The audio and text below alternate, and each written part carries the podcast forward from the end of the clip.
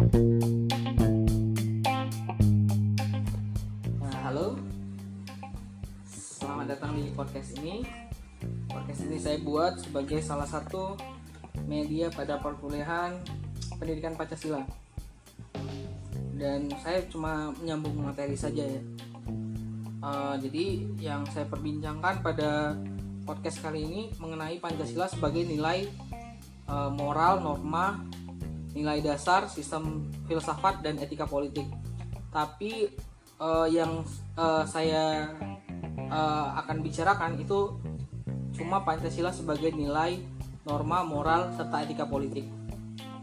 Dan juga di akhir perkuliahan saya coba mengomentari mengenai masalah yang sedang uh, apa ya sedang populer uh, belakangan ini yang berkaitan dengan hal-hal yang akan kita, kita perbincangkan terutama mengenai dampak uh, sosial ya terutama dampak sosial ketika corona itu menyebar di masyarakat Indonesia.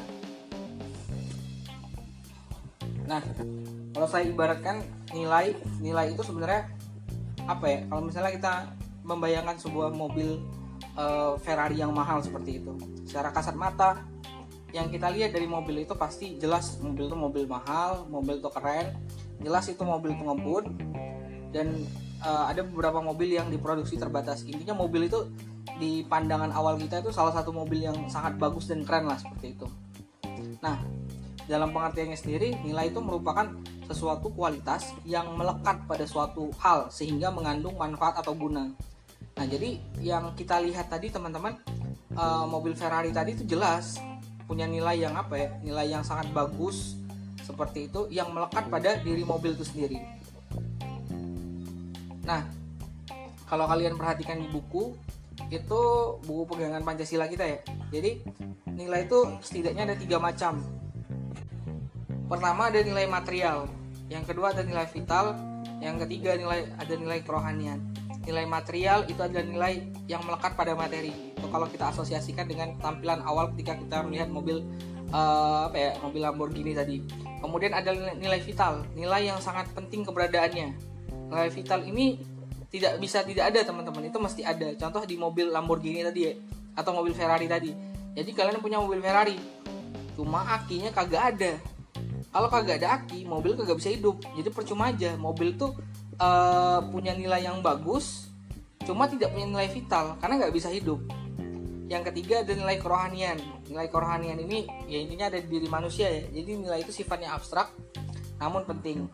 Rohani seperti itu nah kalau kita lihat di uh, apa namanya itu di Indonesia sendiri itu ada tingkatan nilai yang pertama ada nilai dasar, ada nilai instrumental, dan yang ketiga ada nilai praksis. Nilai dasar itu adalah nilai yang menjadi dasar dari kehidupan berbangsa dan bernegara di Indonesia.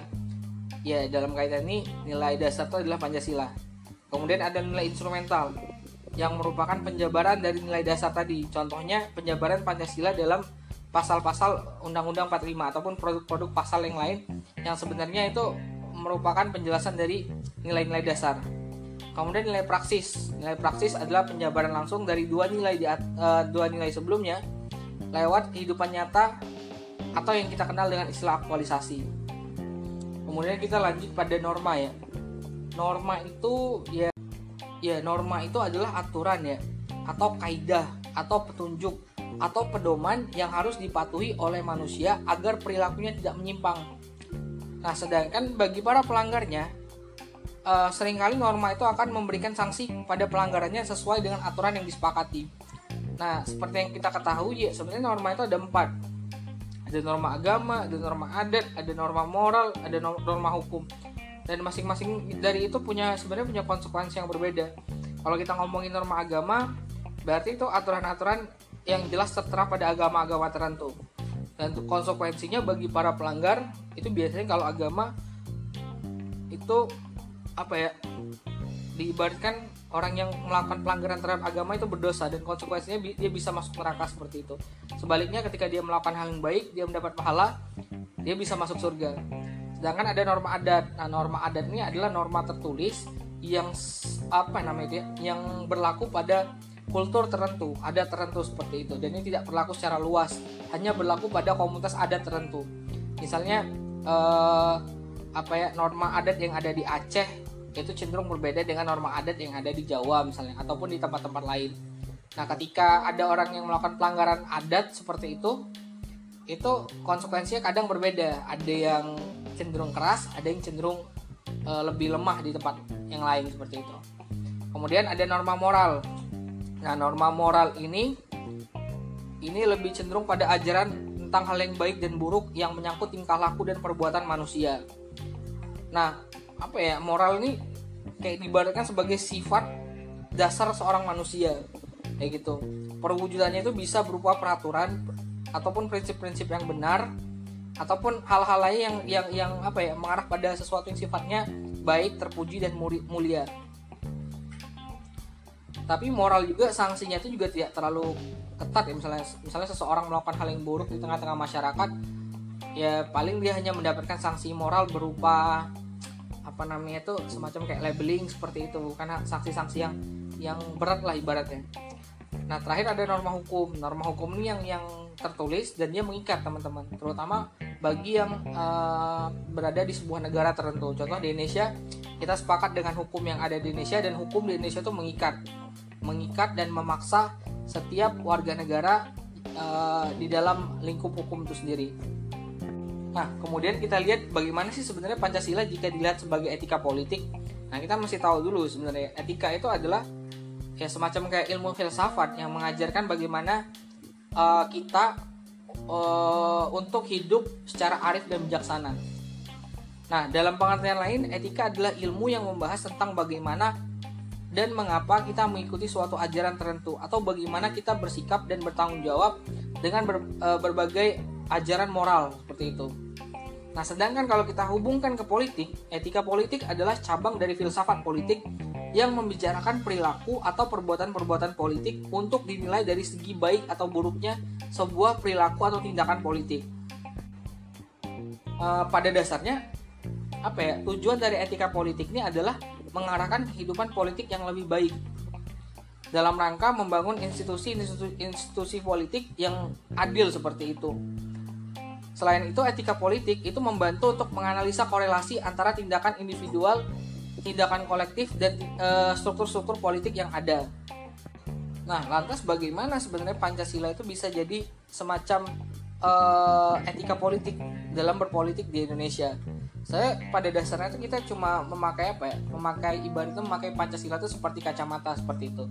Jadi tindakan politik yang kita lakukan itu berdasarkan kacamata Pancasila yang kita pakai seperti itu jadi apa yang Pancasila itu uh, apa ajarkan tentang sesuatu hal yang baik dalam bidang politik nah itu yang menjadi acuan kita dalam berpolitik seperti itu. Ringkasnya seperti itu teman-teman. Nah saya coba terkait dengan masalah apa ya nilai moral dan norma ini juga.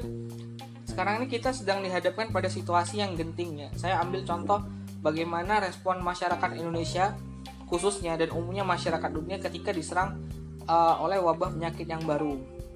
Kita tahu bahwa sejak sejak akhir tahun dan awal tahun kemarin hingga sekarang dunia sedang di apa ya hebohkan dengan munculnya wabah penyakit baru COVID-19 atau yang sering uh, kita sebut dengan istilah corona seperti itu virus corona. Virus ini awalnya ada di Cina kemudian menyebar hampir ke seluruh dunia termasuk Indonesia ya awalnya Indonesia itu uh, apa ya respon masyarakatnya itu pemerintah dan masyarakat itu cenderung biasa saja dengan wabah ini. Cuma ketika wabah ini mulai masuk satu persatu korban berjatuhan di Indonesia, itu kita semua mulai dilanda kepanikan seperti itu. Nah, hal yang agak ini ya, agak disayangkan adalah bagaimana respon masyarakat, bagaimana respon masyarakat ketika dilanda kepanikan akibat corona ini. Salah satu yang masyarakat lakukan teman-teman dan, dan kita bisa ketahui di berbagai macam media itu adalah fenomena uh, panic buying kayak gitu. Jadi masyarakat itu panik kemudian membeli berbagai macam eh, barang-barang di Indonesia terutama uh, akhir-akhir ini yang yang habis di pasaran itu adalah barang-barang uh, yang ini ya yang yang berkaitan dengan kebers apa namanya itu? Sterilisasi seperti itu. Seperti hand sanitizer masker ataupun sabun cuci tangan seperti itu. Yang apa namanya itu? Sesuatu untuk mensterilkan kita. Itu habis di pasaran. Tapi kemudian muncul fenomena panik buy, uh, panic buying juga. Itu juga uh, menyerang hal-hal yang lain seperti itu. Di mana banyak sekali barang-barang kebutuhan pokok yang yang kemudian itu jadi langka di pasaran terutama di beberapa tempat di Indonesia. Nah ini mesti mesti di uh, kita waspadai ya. Karena hal semacam ini sebelumnya telah melanda Eropa. Kita bayangkan teman-teman di beberapa wilayah Eropa di Inggris misalnya di apa namanya itu Italia yang apa dampak coronanya itu lumayan besar. Apa namanya itu panik buying itu emang panic buying itu emang benar-benar terjadi di sana. Di sana itu bukan cuma yang saya, saya tadi bilang ya masker hand sanitizer tisu bahkan tisu toilet pun langka di sana. Tapi orang-orang itu juga berusaha menimbun makanan sebanyak-banyaknya. Jadi banyak sekali ketika orang datang ke berbagai macam swalayan ataupun toko-toko seperti itu toko-toko atau swalayan itu sudah kehabisan stok bahan makanan untuk dijual. Seperti itu. Nah masalahnya adalah kalau kita mengacu pada aturan pemerintah tentang tentang apa namanya itu? Tentang uh, social distancing ya dan juga lockdown seperti itu mayoritas itu cuma menetapkan uh, uh, social distance hanya berlangsung selama 14 hari atau lockdown itu cuma berlangsung selama 14 hari jadi 14 hari kita kita seminimal mungkin itu melakukan aktivitas hanya di dalam rumah saja. Banyak sekali yang berpikiran bahwa ketika mereka tuh berada di rumah melakukan social distancing ataupun isolasi, mereka akan kekurangan bahan makanan dalam waktu yang lama. Jadi kebanyakan orang yang yang ada di media dan juga saya saksikan sendiri ya, ketika mereka uh, berbelanja di berbagai macam toko atau swalayan, mereka cenderung apa melakukan stok uh, melakukan pembelian besar-besaran itu sepertinya pembelian itu tuh ditujukan untuk menstok makanan kira-kira 1 sampai 2 bulan ke depan. Bayangkan teman-teman 1 sampai 2 bulan ke depan. Sebenarnya untuk mereka sendiri ya itu tidak ada masalah karena mereka punya uang kemudian mereka berusaha membeli itu. Tapi di sinilah menurut saya nilai kemanusiaan dari manusia Indonesia itu diuji teman-teman. Saya bilang tadi bahwa mereka tidak punya masalah karena mereka tidak punya uang. Tapi bayangkan pada mereka yang terbatas keuangannya dan kemudian ketika mereka mau membeli makanan yang sama itu makanan itu sudah langka. Ataupun sudah naik harganya di pasaran. Sedangkan orang-orang kaya tadi yang menumpuk bahan makanan tadi itu mereka sudah sudah apa ya ibarat sudah aman di uh, tembok-tembok rumah mereka. Nah ini yang yang yang jadi masalah seperti itu. Nilai kemanusiaan orang-orang Indonesia itu diuji ketika uh, virus corona ini kemudian menyebar seperti itu. Sebagai sejauh mana sih sebenarnya uh, apa namanya itu apa namanya itu kepedulian sosial kita terhadap sesama ketika itu. Dalam kaitan ini menurut saya kita boleh-boleh saja itu menimbun makanan ya. Tapi timbunlah makanan itu seperlunya saja. Jikalau himbauan pemerintah itu hanya dua minggu maka cukuplah timbun itu dua minggu dan cukup untuk anggota keluarga kita yang ada. Saya lihat tuh beberapa orang itu belanja dengan apa ya dengan tiga troli yang penuh seperti itu. Dan saya bingung apakah dia mengkonsumsi makanan sendiri atau memang dijual? Kalau dia konsumsi makanan itu sendiri itu sangat berlebihan menurut saya.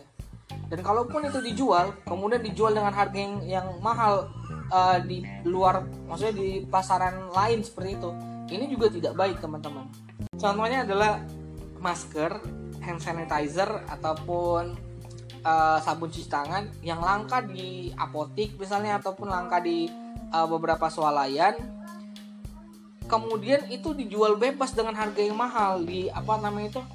Di uh, toko-toko online seperti itu. Sedangkan di sisi yang lain para tenaga medis yang perlu dengan barang-barang uh, atau alat-alat tadi itu mengalami ini mengalami apa? Kesulitan untuk mendapatkannya. Nah di sini yang menurut saya uh, kita sebagai manusia Indonesia mestinya mesti sadar akan hal itu. Kalau kita acu pada Pancasila ya itu jelas kita melanggar sila kedua dan juga sila kelima di sini. Kemanusiaan yang adil dan beradab dan keadilan sosial bagi seluruh rakyat Indonesia. Nah, kita mesti sadari di masa-masa genting seperti ini bukan saatnya kita tuh menjadi manusia Indonesia yang yang yang justru me, apa ya mengedepankan ego kita ego kita ego keluarga kita justru pada saat ini kita mesti bahu membahu teman-teman seperti itu dan satu lagi ya menurut saya kita mesti optimis menghadapi uh, apa namanya itu? Menghadapi keadaan ini. Layaknya pendahulunya penyakit ini seperti SARS atau MERS. Saya yakin betul bahwa virus corona ini akan segera ditemukan obatnya oleh mereka yang sedang bekerja di dunia medis seperti itu. Dan salah satu tugas pokok kita ini yang paling penting adalah menjaga agar diri kita senantiasa, uh, senantiasa sehat. Paling tidak kita menjaga agar virus ini tidak pernah mampir ke tubuh kita atau mampir ke uh, apa tubuh keluarga kita. Itu hal kecil yang bisa kita lakukan teman-teman. Kemudian kita luangkan waktu sebentar ya dengan menggunakan smartphone kita. Jadi kita punya smartphone walaupun kita berada pada masa social distancing tapi dengan smartphone yang kita punya kita tuh sebenarnya pada dasarnya kita dekat dengan uh, pribadi-pribadi uh, yang lainnya dalam ranah sosial media seperti itu. Maka sebarkanlah kebaikan, sebarkanlah optimisme bahwa kita bisa menghadapi ini dan kita kuat untuk menghadapi. Uh, demikianlah penjelasan saya yang singkat ini mengenai uh, mata kuliah Pancasila sebagai nilai, norma, moral, hingga etika politik. Berikut dengan beberapa contohnya, termasuk saya mengomentari bagaimana sebenarnya uh, respon masyarakat Indonesia ketika menghadapi corona. Jadi bagaimana bagaimana nilai-nilai dan norma masyarakat Indonesia pada dasarnya itu dilanggar teman-teman ketika virus ini berlangsung dengan berbagai macam uh, fenomena yang terjadi di masyarakat. Salah satunya dengan dengan dengan munculnya fenomena panic buying tadi. Nah, semoga ini bermanfaat. Kita ketemu dalam edisi podcast selanjutnya. Ciao.